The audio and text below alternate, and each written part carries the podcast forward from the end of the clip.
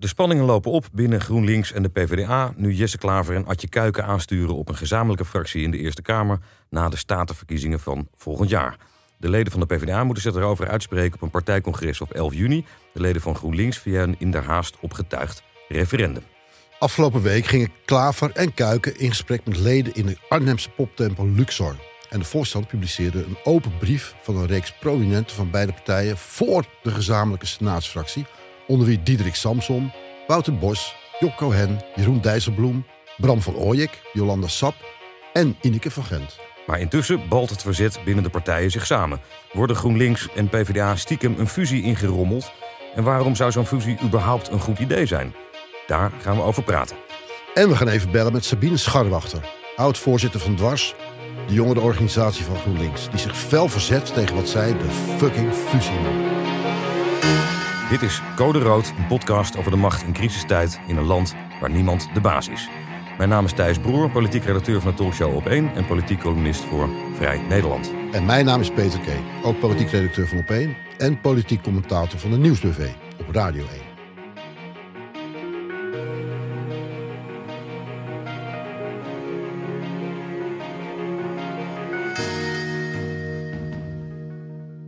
Maar eerst gaan we het nog even hebben over het plan van Joost Eertmans van JA21 om de asielopvang van zogenaamde veilige landers te verplaatsen naar Curaçao. Ja, ja, dat zou gaan om asielzoekers uit landen die hier als veilig te boek staan. Hè? Zoals Marokko en Ja, precies. Afrikaanse, Aziatische en Zuid-Amerikaanse landen... waar niet genoeg oorlog en onderdrukking is. Precies, die zouden dan zogenaamd veilig zijn. Eh, Nou, daardoor maken die mensen dan minder kans om hier überhaupt een eh, verblijfsvergunning te krijgen.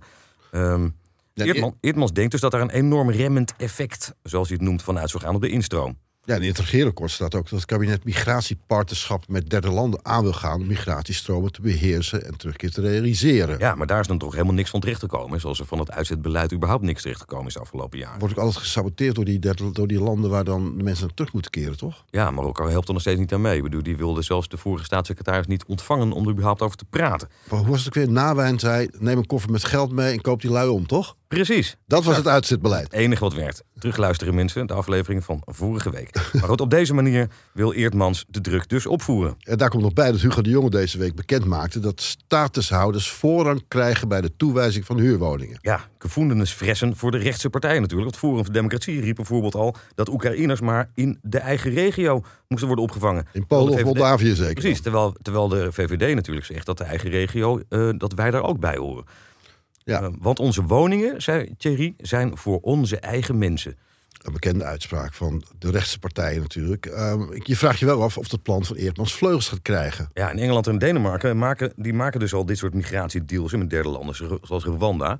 Dan moet je daar dus asiel aanvragen als je uit Afrika komt. Ik dat geloof dat dat het idee is om überhaupt hier te worden toegelaten. Nou, dan hou je het probleem lekker daar. Afschrikwekkende werking. Dat doet wel denken aan eh, Australië, dat asielzoekers opvangt op een afgelegen eiland ver van de kust. Ja, Maak het zo onaantrekkelijk mogelijk. Ja, en dan Duivelseiland. Ja, ik wil natuurlijk Curaçao niet met Duivelseiland vergelijken. Maar het is ook een rotsige, eh, eh, hete steenklomp in de oceaan. Dat is onmiskenbaar het geval. Waar de Fransen in de 19e eeuw hun gevangenen opsloten. Zoals Dreyfus, wel bekend. En Papillon, bekend van die epische film met Steve McQueen. En Dustin Hoffman uit Een film 1972. waar jij niet over uitgesproken raakt, hè? Wel een Ehm, film. Ik heb zeker tien keer gezien. Hebben die remake ook gezien? Nou ja, die is slecht. Oh ja? Heren, ja, verschrikkelijk. Nee, de oorspronkelijke moet je kijken allemaal. Eh, maar Eerdmans moest afgelopen week, toen hij een paar kritische vragen over kreeg, bekennen dat hij Curaçao nog niet heeft gevraagd. Of ze het daar ook een goed idee vinden. Nee, dat moet je, hoef je helemaal niet te doen. Dat duw je gewoon de strot. Joost weet hoe dat moet. Ja, moet je En- maar snel op, eh, op missie naar de Antillen. En maar hopen dat hij dan heel lang in de rij moet staan op Schiphol. Om, die vlucht, om op die vlucht te komen. Ja, precies. En dat koerhuis dan langskomt. Ach jongen, ik heb met je te doen. precies, ja. Of dat eh, zijn terugvlucht naar Nederland natuurlijk wordt afgezegd. Dat zijn vast ook mensen Die daar lekker kan blijven zitten tussen zijn vrienden. Dat lijkt me ook heel fijn.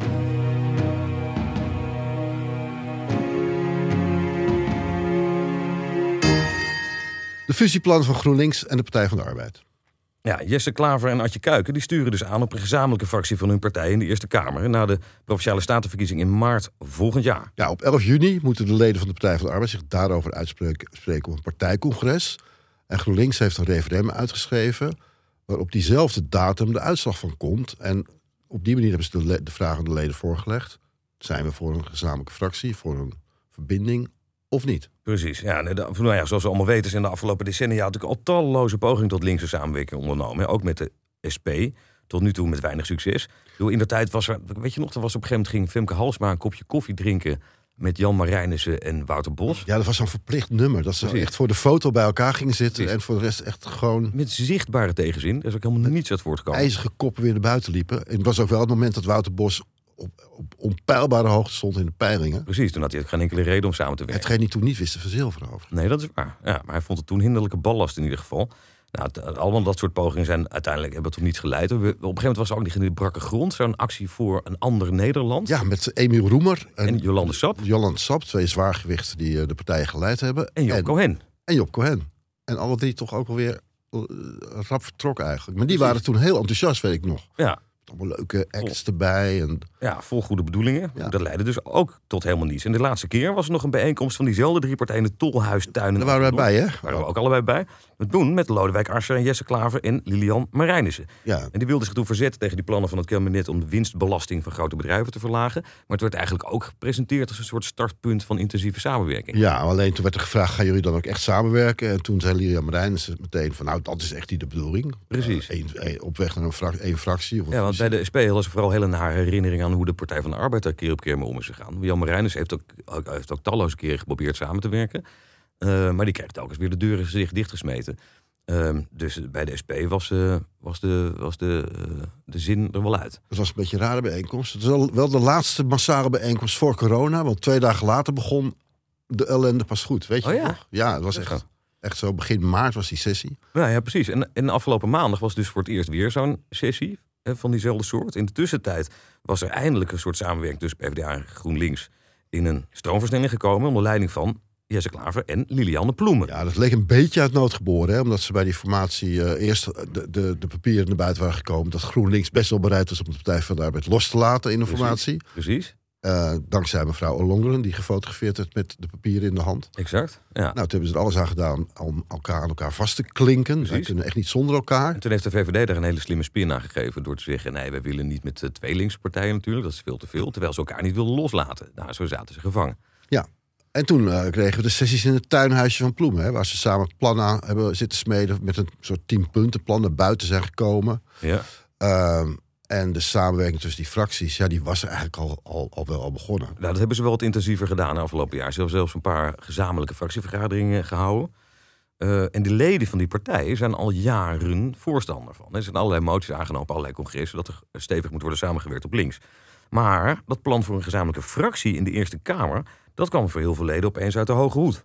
Ja, want tot nu toe hebben Klaver en Kuiken altijd ontkend dat ze op een echte fusie uit zouden zijn. Ja, het F-woord, dat werd zelden genoemd.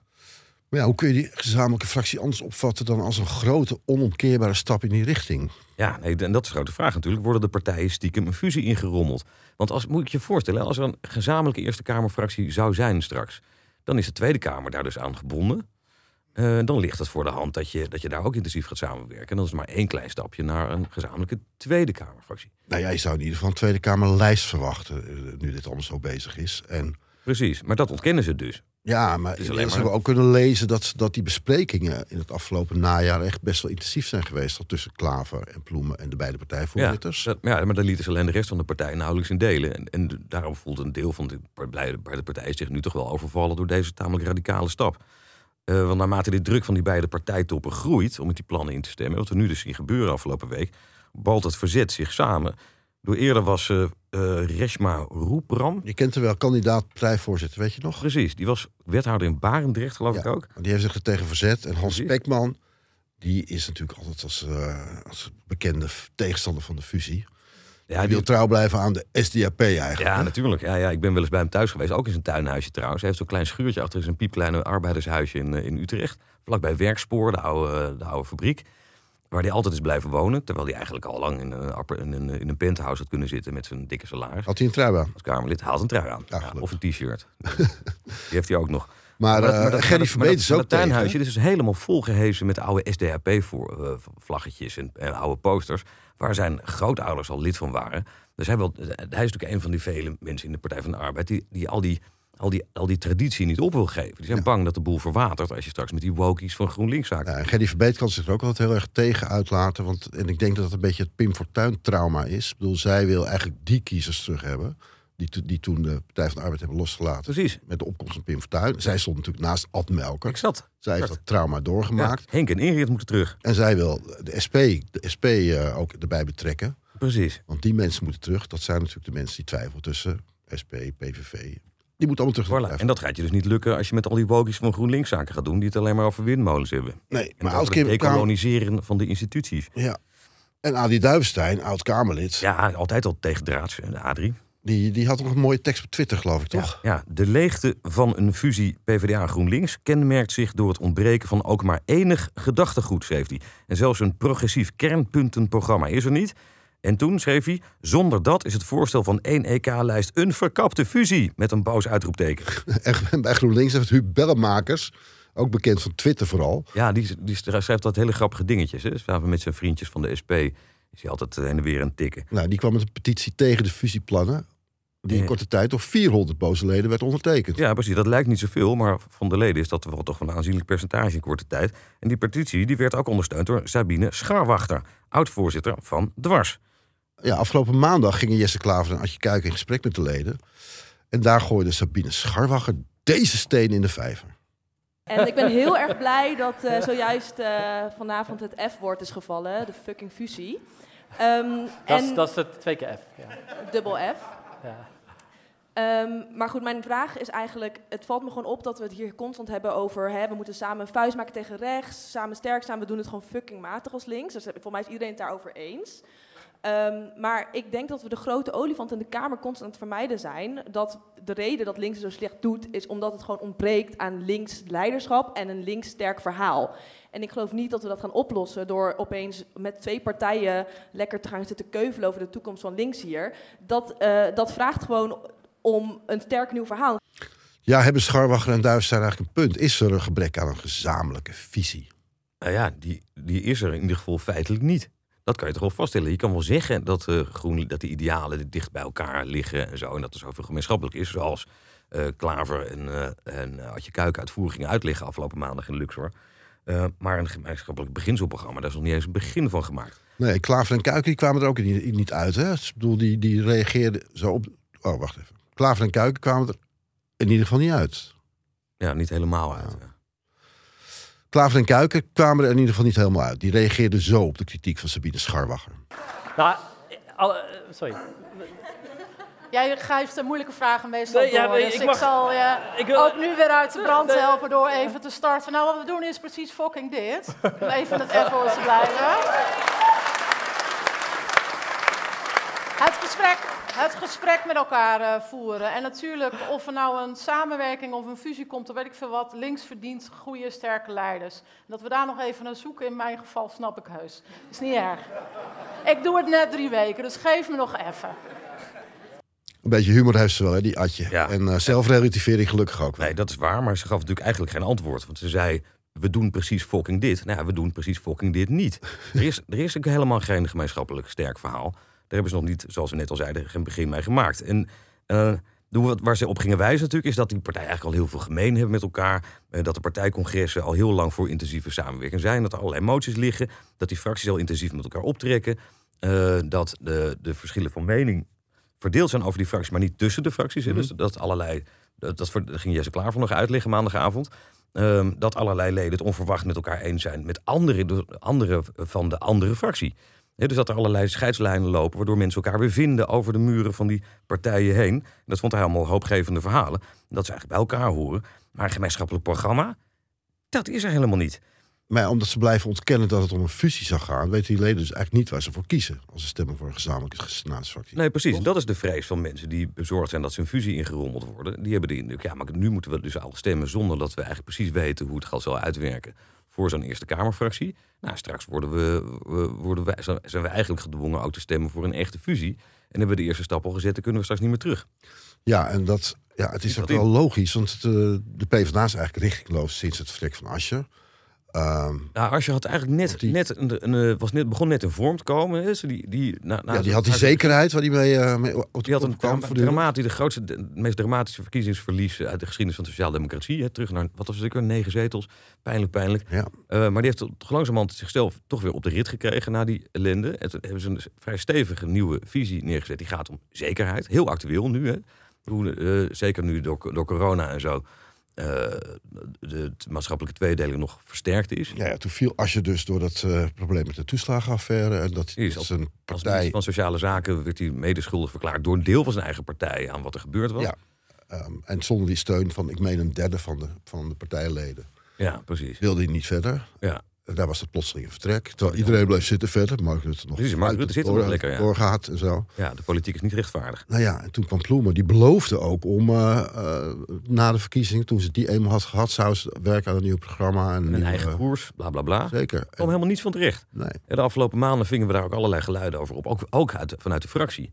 Van waar blijft ze nou? Ja, Met een eh, in nieuwe de idee. wandelgangen konden wij goed vernemen dat de, de ontevredenheid er wel was bij fractieleden en ook buiten de fractie. Ja, want ideologische stilstand onder Ploemen. Ja, geen wonder, die was te druk bezig om in het tuinhuisje met, eh, met Jesse Klaver eh, En, eh, een zoete broodje te bakken. Een, een tienpuntenplan op te stellen, ja. En GroenLinks, dat is natuurlijk eigenlijk ook al jaren een beetje aan het zwabberen, vind ik. Ja, dit- van de ene kant naar de andere Ja, kant. in dit opzicht in ieder geval wel. Ja, eerst wilde Klaver natuurlijk een brede volksbeweging maken van GroenLinks. En dan met de kantinetour. De kantinetour, precies. Ook de buschauffeurs eh, moesten, moesten eh, lid worden van, van GroenLinks. Ja, terwijl GroenLinks associeer je niet meteen met de onderkant van de samenleving. Nee, eerder met, eh, met bakfietsen in nette buitenwijken. Met wilde tuinen. Ja, zou je toch meer aan denken, toch? Ja, precies. maar dat imago wilde hij dus vanaf. En even, een paar jaar later heeft hij toen ook nog eens verklaard... volgens mij was dat bij het 20-jarig bestaan van GroenLinks... Dat, eh, dat GroenLinks de eigenlijke echte erfgenaam was van Joop den Uyl.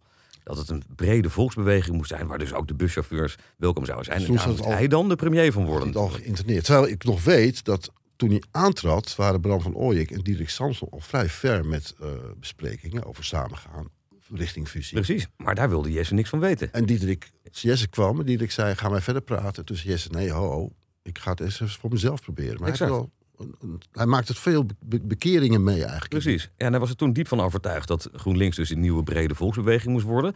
Eh, wat gebeurde er? Hij heeft altijd heeft een aantal verkiezingen achter elkaar gewonnen. Toch wel glansrijk. Hij werd Jessias genoemd, zijn eigen partij. Was een grote verrassing. Hij had van die grote sessies in het land eh, met een heleboel... De meetups. De, de meetups. Ja. Duizenden juichende jongeren. Het groot succes. Maar op een gegeven moment kantelde wat. Bij de vorige provinciale statenverkiezingen won hij voor het eerst minder dan ze hadden gedacht. En toen kwamen de Europese verkiezingen. En wie kwam over de vluchtstrook voorbij? Frans Timmermans. Frans Timmermans. Tuurlijk. En de PvdA werd uit niets de grootste partij. Ik was toevallig bij in Utrecht waar die, eh, waar die, op die verkiezingsavond.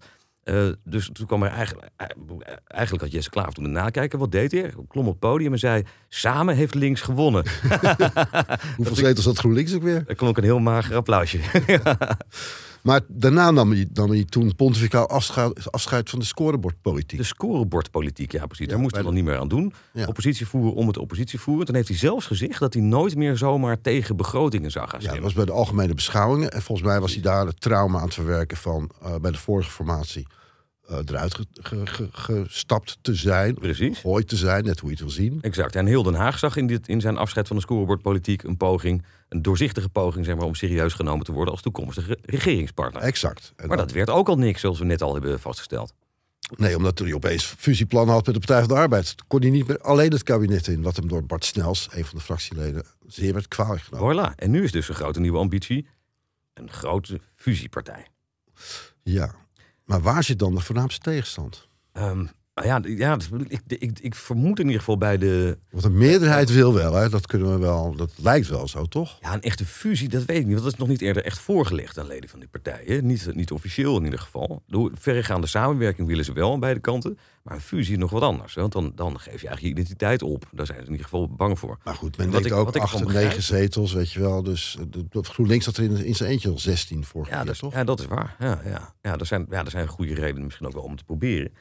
Maar hoe dan ook, ja, ik, moet het vooral aan de, aan de, laten we zeggen, aan de, aan de woke kant van GroenLinks. Ook grote kant van. GroenLinks. De woke kant van GroenLinks, ja. Vooral een Dus jonge, dat, eh, jonge generatie vindt dat het tijd is voor een systeemverandering. En daar vinden ze dat de Partij van de Arbeid eigenlijk nog veel te veel binnen de gevestigde kaders opereert.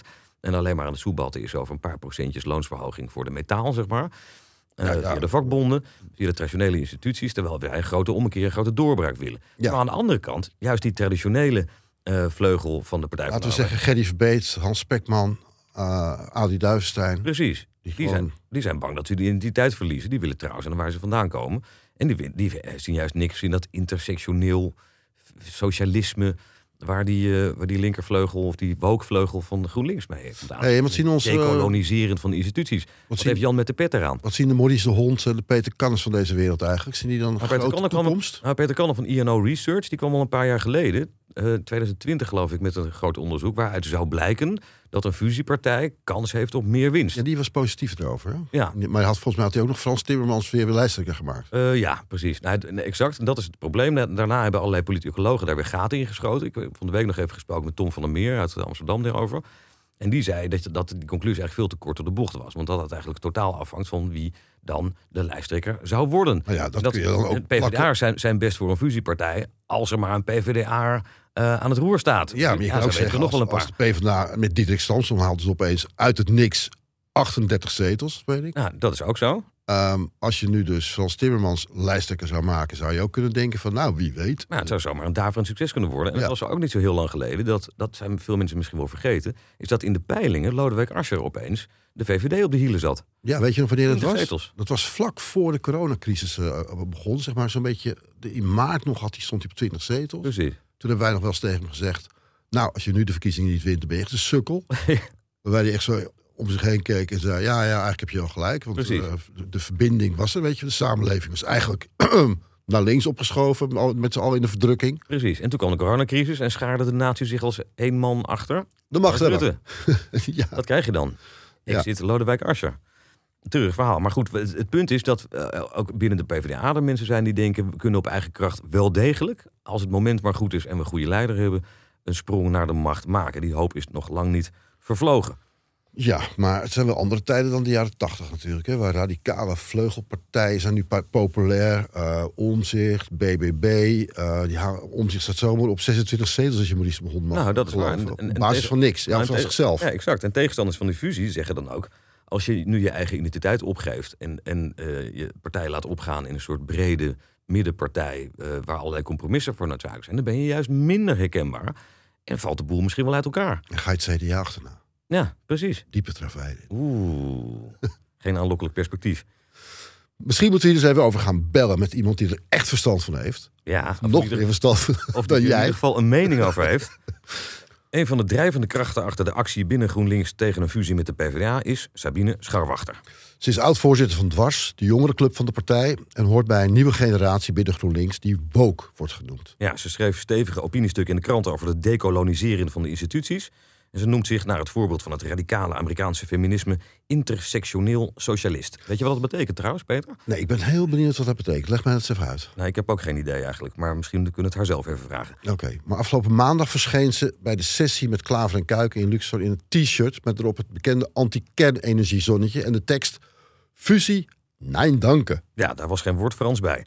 Nou, volgens eh, Sabine Scharwachter is er geen twijfel mogelijk. Jesse Klaver en de partijtop proberen GroenLinks een ongewenste fusie in te rommelen. Even bellen met Sabine Scharwachter.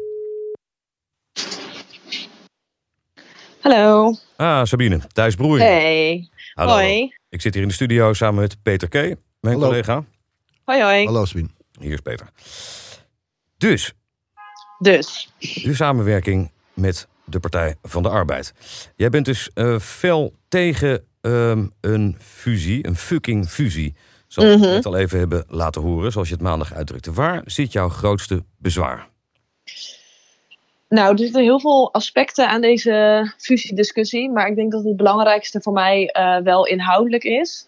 Ehm, ja, voor mij is het gewoon heel erg belangrijk dat GroenLinks eh, nou, groener, linkser en progressiever wordt dan het nu is. En dat, nou, dat de huidige koers eh, die wordt gevaren eh, nu is. Ehm, en het lijkt mij dan heel onlogisch om te gaan fuseren met een partij die nog gematigder is. Want dat is gewoon hoe de PvdA in elkaar steekt. Oké, maar goed, we, hebben nu twintig partijen in de Kamer. Dus het zou toch mooi zijn als het langzamerhand wat minder wordt. Dan moet je toch ook een beetje eh, naar zoeken. Ja, nou ja, ik denk ten eerste dat GroenLinks en PvdA niet de versplintering zijn. Ehm, ik denk wel dat ze een rol hebben gespeeld in de versplintering. Dat ze ruimte hebben gelaten op, op, de linkerzijde. Ehm, en ik betwijfel daarnaast ook of een fusie die versplintering echt zal tegengaan. Het zal misschien een eerste keer uh, nou, een partijtje minder opleveren. Maar uiteindelijk uh, biedt het waarschijnlijk ook weer meer ruimte voor een nieuwe partij of meer versplintering. Uh, dus dat biedt helemaal geen. Ja, ja voor nieuwe, nieuwe breuken en inderdaad mensen die voor zichzelf gaan. Ja, precies. Ik denk als je de versplintering echt wil tegengaan, dan, um, dan moet je volgens mij een sterk verhaal vertellen waar nou, veel meer mensen zich door vertegenwoordigd zullen voelen. Uh, en bijvoorbeeld in het geval van GroenLinks zie je dat wij op elk aspect waar wij in principe voor staan, dus zowel op duurzaamheid als op de sociaal-economische uh, kant, als op antiracisme, maar ook rationaal, uh, we veel steek hebben laten liggen. Dus uh, nou, zeker dat bijvoorbeeld Volt meer ruimte krijgt. Um, vraag me dan af van. Hè, het geluid valt nu een beetje weg bij ons. Heb je, sta je op een, op een vervelende plek? Um, kijken, ja, fucking, fucking T-Mobile, ik zweer het. dat laten we erin. ja, nee. Uh, ik hoop dat jullie me nu weer goed verstaan. Ja, nu is het weer goed. Nu is het weer goed. Uh, ja? Oké, okay, fijn. Nee, wat ik zei van het feit dat de Partij voor de Dieren ook zo enorm gegroeid is, dat is volgens mij ook te wijten aan het feit dat GroenLinks ook te zwak is geweest op groen. Terwijl we daar juist op in hebben gezet de afgelopen, afgelopen tijd. Maar jij vindt dat dus, GroenLinks uh, eigenlijk ja. niet radicaal genoeg is? Al te veel ja, een middenpartij geworden is? Ja, absoluut. We zijn echt heel erg gaan, gaan dansen naar de pijpen van, uh, van rechts. Om maar, mee, om maar te kunnen laten zien dat we uh, mee kunnen regeren. En mee kunnen besturen en serieus genomen moeten worden. Nou, dat was een grote ambitie van Jesse Klaver. Die wil niks liever dan ook op het plus. Zeker, ja. Jesse heeft echt een, een spoor van ellende achtergelaten wat mij betreft. Uh, dus je zag eerst... Um, hè, we gingen niet we hebben toen gewonnen in 2017, toen zijn we niet gaan meeregeren. Nou, daar valt nog wel wat voor te zeggen. Ja. Nou, vervolgens kwam hij met de antiscorebordpolitiek. Uh, daarna uh, nou ja, gewoon vier jaar lang echt zwakke oppositie gevoerd. Dramatische campagne van 2021, toen weer niet meeregeren. En nu heeft hij volgens mij bedacht van, nou, ik moet toch iets achterlaten voordat ik de politiek verlaat. Uh, en die linkse samenwerking bewerkstelligen zou dan een mooi project kunnen zijn. Uh, maar volgens mij, en uh, hebben het Leen zelfs nog niet eens genoemd. Maar volgens mij uh, geeft zijn geschiedenis al de aanleiding om niet hem weer hierin te volgen. Maar hij heeft, hij heeft zich juist zichzelf een beetje hervonden en, en bedrijf in oppositie, zoals we dat van hem kennen in het begin. Ik bedoel, dit, dit jaar is hij best, de best stevig, gaat hij erin nu toch? Dat hij nu er harder in gaat. Ja, die, die, die, nou, ja, die anti-scorebordpolitiek heeft hij wel losgelaten. Nou, ik, hij heeft inderdaad geroepen van uh, als we niet gaan meeregeren deze keer, uh, gaan we keiharde oppositie voeren. Maar vervolgens kwam er een, uh, een regeerakkoord. En daarvan was zijn enige reactie van, nou, ziet er puik uit, maar hoe gaan we het allemaal uitvoeren? Dat noem ik alles behalve sterke oppositie. Ja, kijk, sterke oppositie houdt voor mij in dat je als links, um, als links oppositie echt gaat, echt een alternatief gaat presenteren oprecht. En niet een soort van de, de scherpe randjes erachter probeert te veilen. Uh, en dat is wel wat er constant gebeurt. Oké, okay, dus, dus, nou ja, dus eigenlijk jij zegt van nou, ik mis links en, het, uh, en hij slaat de verkeerde weg in. Uh, hij zou eigenlijk ja. richting de Partij voor de Dieren, moet, dieren moeten kijken. Nou, niet alleen Partij voor de Dieren, die zitten natuurlijk heel goed op, op het groene vlak, maar ook een Bijeen, een SP. Um, ja, we mogen wel een stuk naar links opschuiven. En ook links van de PvdA. Want iedereen roept nu wel heel hard van, nou, we zijn allemaal naar elkaar toegegroeid de laatste tijd. Uh, dat klopt, maar dat vind ik ook precies het probleem. GroenLinks is ooit opgericht om het linkse alternatief op de PvdA uh, te vormen. Uh, en tegelijkertijd ook nog wel, um, hoe heet het, compromisbereid te zijn en regeringsbereid te zijn. Dus we zijn geen partij voor de dieren, het is wel wezenlijk anders. Maar de, de voorstanders die, zeg, die wijzen er ook op dat de fracties van GroenLinks en Partij van de Arbeid vrijwel altijd hetzelfde stemmen tegenwoordig. 99% van de keren komen ze overeen in het stemgedrag. Ja. Nou ja, ik, ik heb ook andere cijfers gehoord, maar als ze op elkaar zijn gaan lijken in stemgedrag, dan is het ook gewoon te verklaren. Want ze stemmen letterlijk elke stem, elke stem af. Bij GroenLinks op de fractievergadering gaat het ook letterlijk met: hé, hey, wat doet de PvdA op dit vlak? En dan als zij, daar stemmen ze hun eigen stemgedrag op af. Dus het is niet heel gek dat ze op elkaar zijn gelijk. Nou ja, de, programma, de programma's zijn ook nauwelijks van elkaar te onderscheiden. Dus ja, uh, wat is het verschil nog dan? En ligt ook dat is heel erg op elkaar afgestemd. Nee, ik denk dat wat, we, wat er heel erg ontbreekt bij links is um, uh, dat we het niet meer hebben over ideologie. En dat is in heel de politiek een probleem. Uh, dat is natuurlijk ook ja, een resultaat van de technocratisering van de politiek, wat heel erg in het voordeel is van rechts. Laten we het maar niet te veel hebben over uh, de, ja, stippen op de horizon, maar doen alsof alles op te lossen, dat voor alles een soort van ideologieloze technocratische oplossing bestaat. Uh, en daar is links gewoon veel te veel in meegegaan. En wij hebben het ook constant over concrete standpunten, maar helemaal niet over die stip op de horizon meer. Ehm, dus ja, als je kijkt naar concrete standpunten voor de aankomende vier jaar, dan vind ik het niet heel gek dat oppositiepartijen, linkse oppositiepartijen op elkaar lijken. Ehm, maar niemand stelt de vraag van waar wil je uiteindelijk heen? En daar de verschillen PvdA en GroenLinks wel. Ja. Uh, Nou, daar wees Adrie Ja. Van de week ook op hè, via Twitter. Die, Ja. die zei dat is, er is nog niet het begin van een kernpuntenprogramma eh, waar die beide partijen het over eens zijn. Met andere woorden, we Ja. worden eigenlijk een soort fusie ingerommeld door straks te moeten gaan stemmen voor een ge- gemeenschappelijke Eerste Kamerfractie. Zonder dat daar een gemeenschappelijk programma onder ligt. Ja. ja, het is echt. eh, dat is inderdaad precies wat er gebeurt. Dus ik vind het echt armoe dat we het nu constant hebben over. Hè, we moeten de handen ineens slaan, we moeten samen sterk staan. eh, we moeten alles samenvoegen om maar een vuist te kunnen maken tegenover rechts. Ehm, maar goed, het feit dat dat het startpunt is, dat is wel vanuit zwakte. En dat vind ik wel echt ehm, nou, een Ja. slecht voorteken. Ja, maar ja, dat is Eh, de situatie. Kijk, links heeft al jaren helemaal niks in te brengen eigenlijk. Of Ja, klopt. Maar als je. Ja, Dan- Dan is er klopt. een doorbraak nodig. Dat kan ik me ook voorstellen, dat, dat ze daar naar Ja. zoeken. Jij ook, toch? Ja, nee, maar laten we duidelijk zijn dat ik heel erg voorstander ben van een groot en sterk links.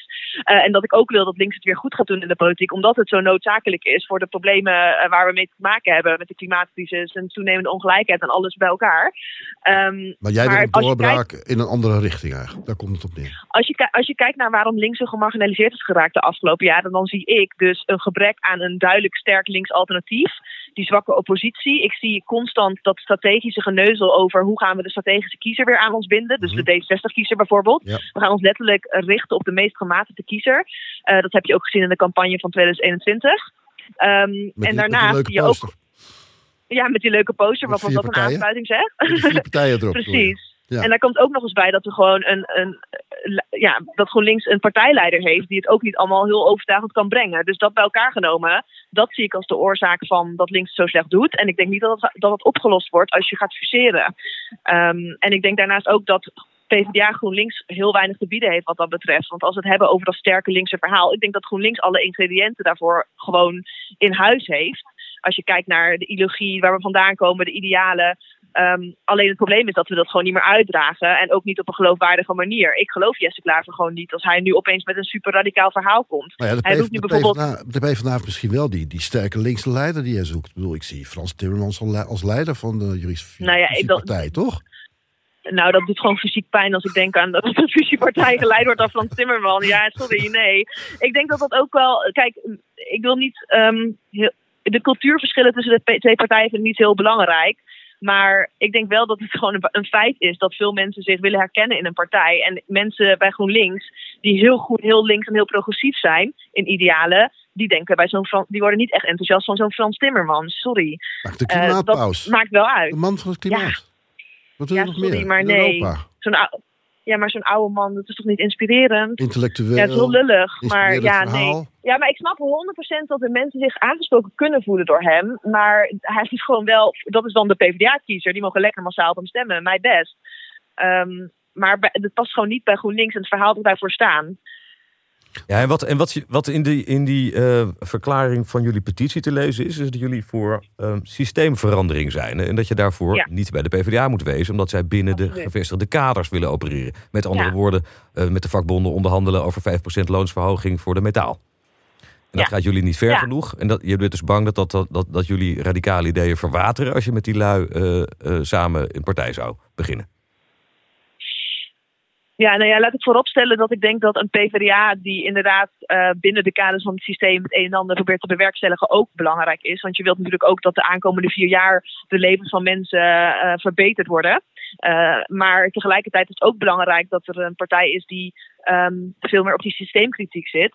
En ja, en ik denk inderdaad dat als je dat gaat samenvoegen, je kan niet van beide walletjes eten. En de, hoe een fusieproces doorgaans werkt, dan ga je wel op een soort van compromis uitkomen uiteindelijk. Maar dan, systeemverandering. Ik denk toch ook wel weer een beetje aan de Partij van de Dieren. Die, die, die zijn toch ook eh, van een andere, ja, op een andere koer. Ja, die staan ook zeker, precies. Die, staat ook zeker, die zijn ook zeker voorstander van systeemverandering. Ehm, maar ik denk dat wat GroenLinks zo uniek maakt, is dat wij op zowel groen als rood, als nou, wat ik dan paars noem als het gaat over eh, antidiscriminatie en inclusiviteit, ehm, dat wij op al die vlakken voor systeemverandering staan en eh, heel uitgesproken zijn. En tegelijkertijd ehm, vanuit die positie in de linkerbovenhoek van het politieke kwadrant ook proberen om, eh, om te onderhandelen met, eh, met het midden. En ik denk dat zeg maar veel, veel mensen, veel kiezers en met name ook jongeren heel erg een partij zoeken in waar ze al die idealen vertegenwoordigd zien. En tegelijkertijd ook een partij is die dat ook daadwerkelijk probeert te, ehm, probeert uit te voeren in plaats van alleen te agenderen. Dus GroenLinks heeft gewoon echt een hele unieke positie. Ziet, Als je kijkt naar Europees niveau doen de Groenen het ook gewoon supergoed. Um, dus GroenLinks heeft gewoon de toekomst in haar verhaal. En het is echt heel zonde om dat nu weg te gooien. Dus wat jou betreft blijft GroenLinks een, een individuele partij. Niet geen samengaan met de Partij voor de Dieren of, met, of, of de ene kant links of de andere kant links, maar alleen, Mhm. toch? Ja. Ehm, Ja. Maar, en ook met een nieuwe leider. Ja, want je zei net, eh, Jesse heeft een spoor van ellende achtergelaten. Hij is niet de man die, eh, die jouw systeemkritiek de toekomst in gaat dragen. Zo Weet te je, horen. weet, je wel, weet je al wie dat wel zou kunnen zijn? nou ja, in dat opzicht lijkt GroenLinks dus wel weer een beetje op de VVD. We hebben totaal niet gewerkt aan opvolging.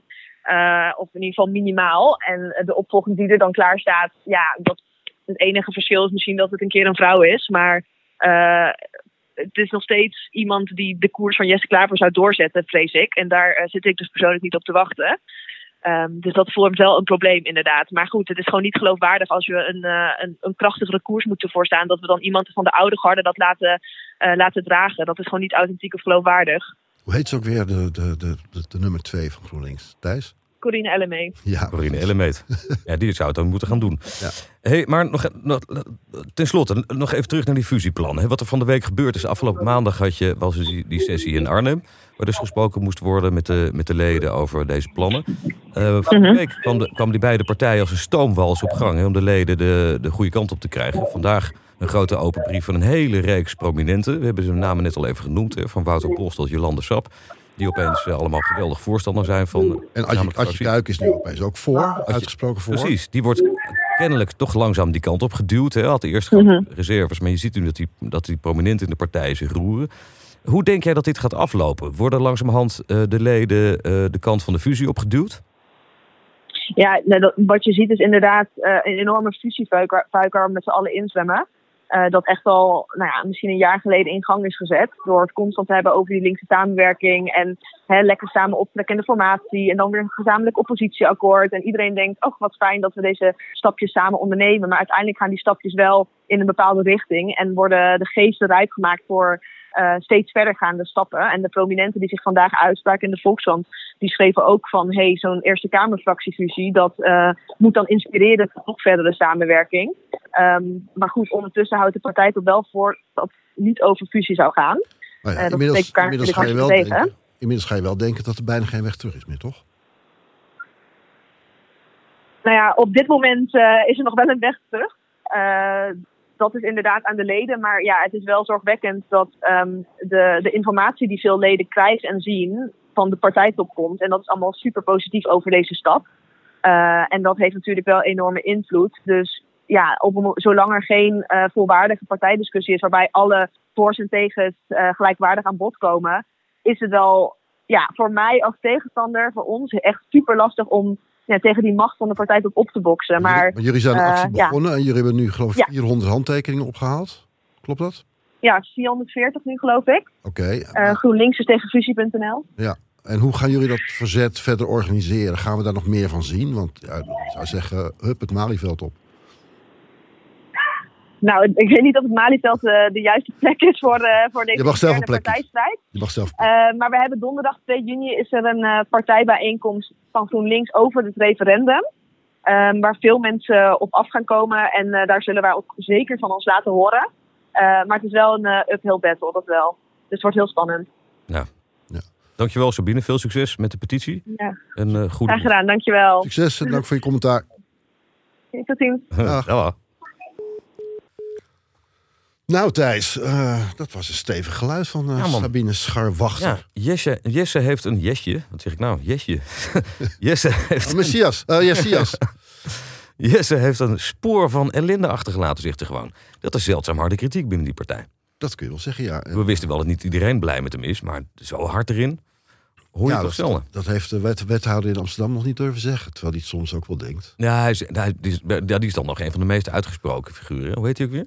Ja, dat is een goede naam, hè? Rutger Groot-Wassink. Die heeft wel eens gezegd, er is algemeen bekend dat ik niet lid ben van de fanclub van Jesse Klaver. Ja. En die heeft al jaren geleden ook al gezegd dat, eh, dat, eh, dat GroenLinks onder leiding van Jesse een soort marketingmachine dreigt te worden waarin de leden niks meer te vertellen hebben.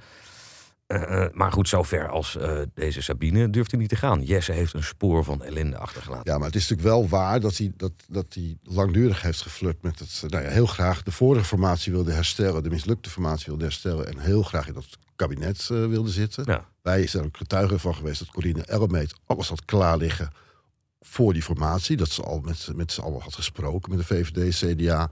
Dat ze helemaal, ja, eh, alles was al Ja, die, ja, die is daar speciaal voor vrijgemaakt zelfs, Ja. om de weg te plaveien. En eh, eh, nou ja, dus ze wilden per se regeren. Nou, dat is mislukt door toen ze te close werden met de PvdA en CDA en VVD absoluut niet aan zo'n verschrikkelijk linksblok blok wilden denken binnen hun coalitie. Ja.